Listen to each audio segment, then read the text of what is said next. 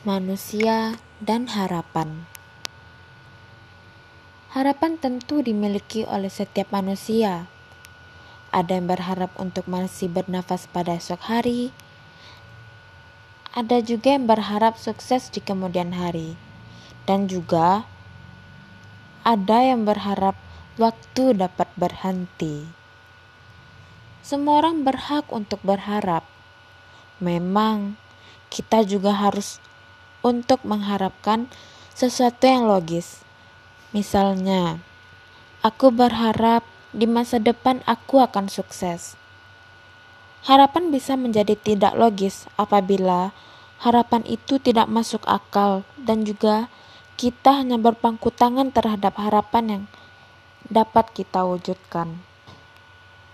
Harapan memang berbeda-beda, akan tetapi Harapan yang baik itu apabila harapan kita terwujud atau menjadi kenyataan.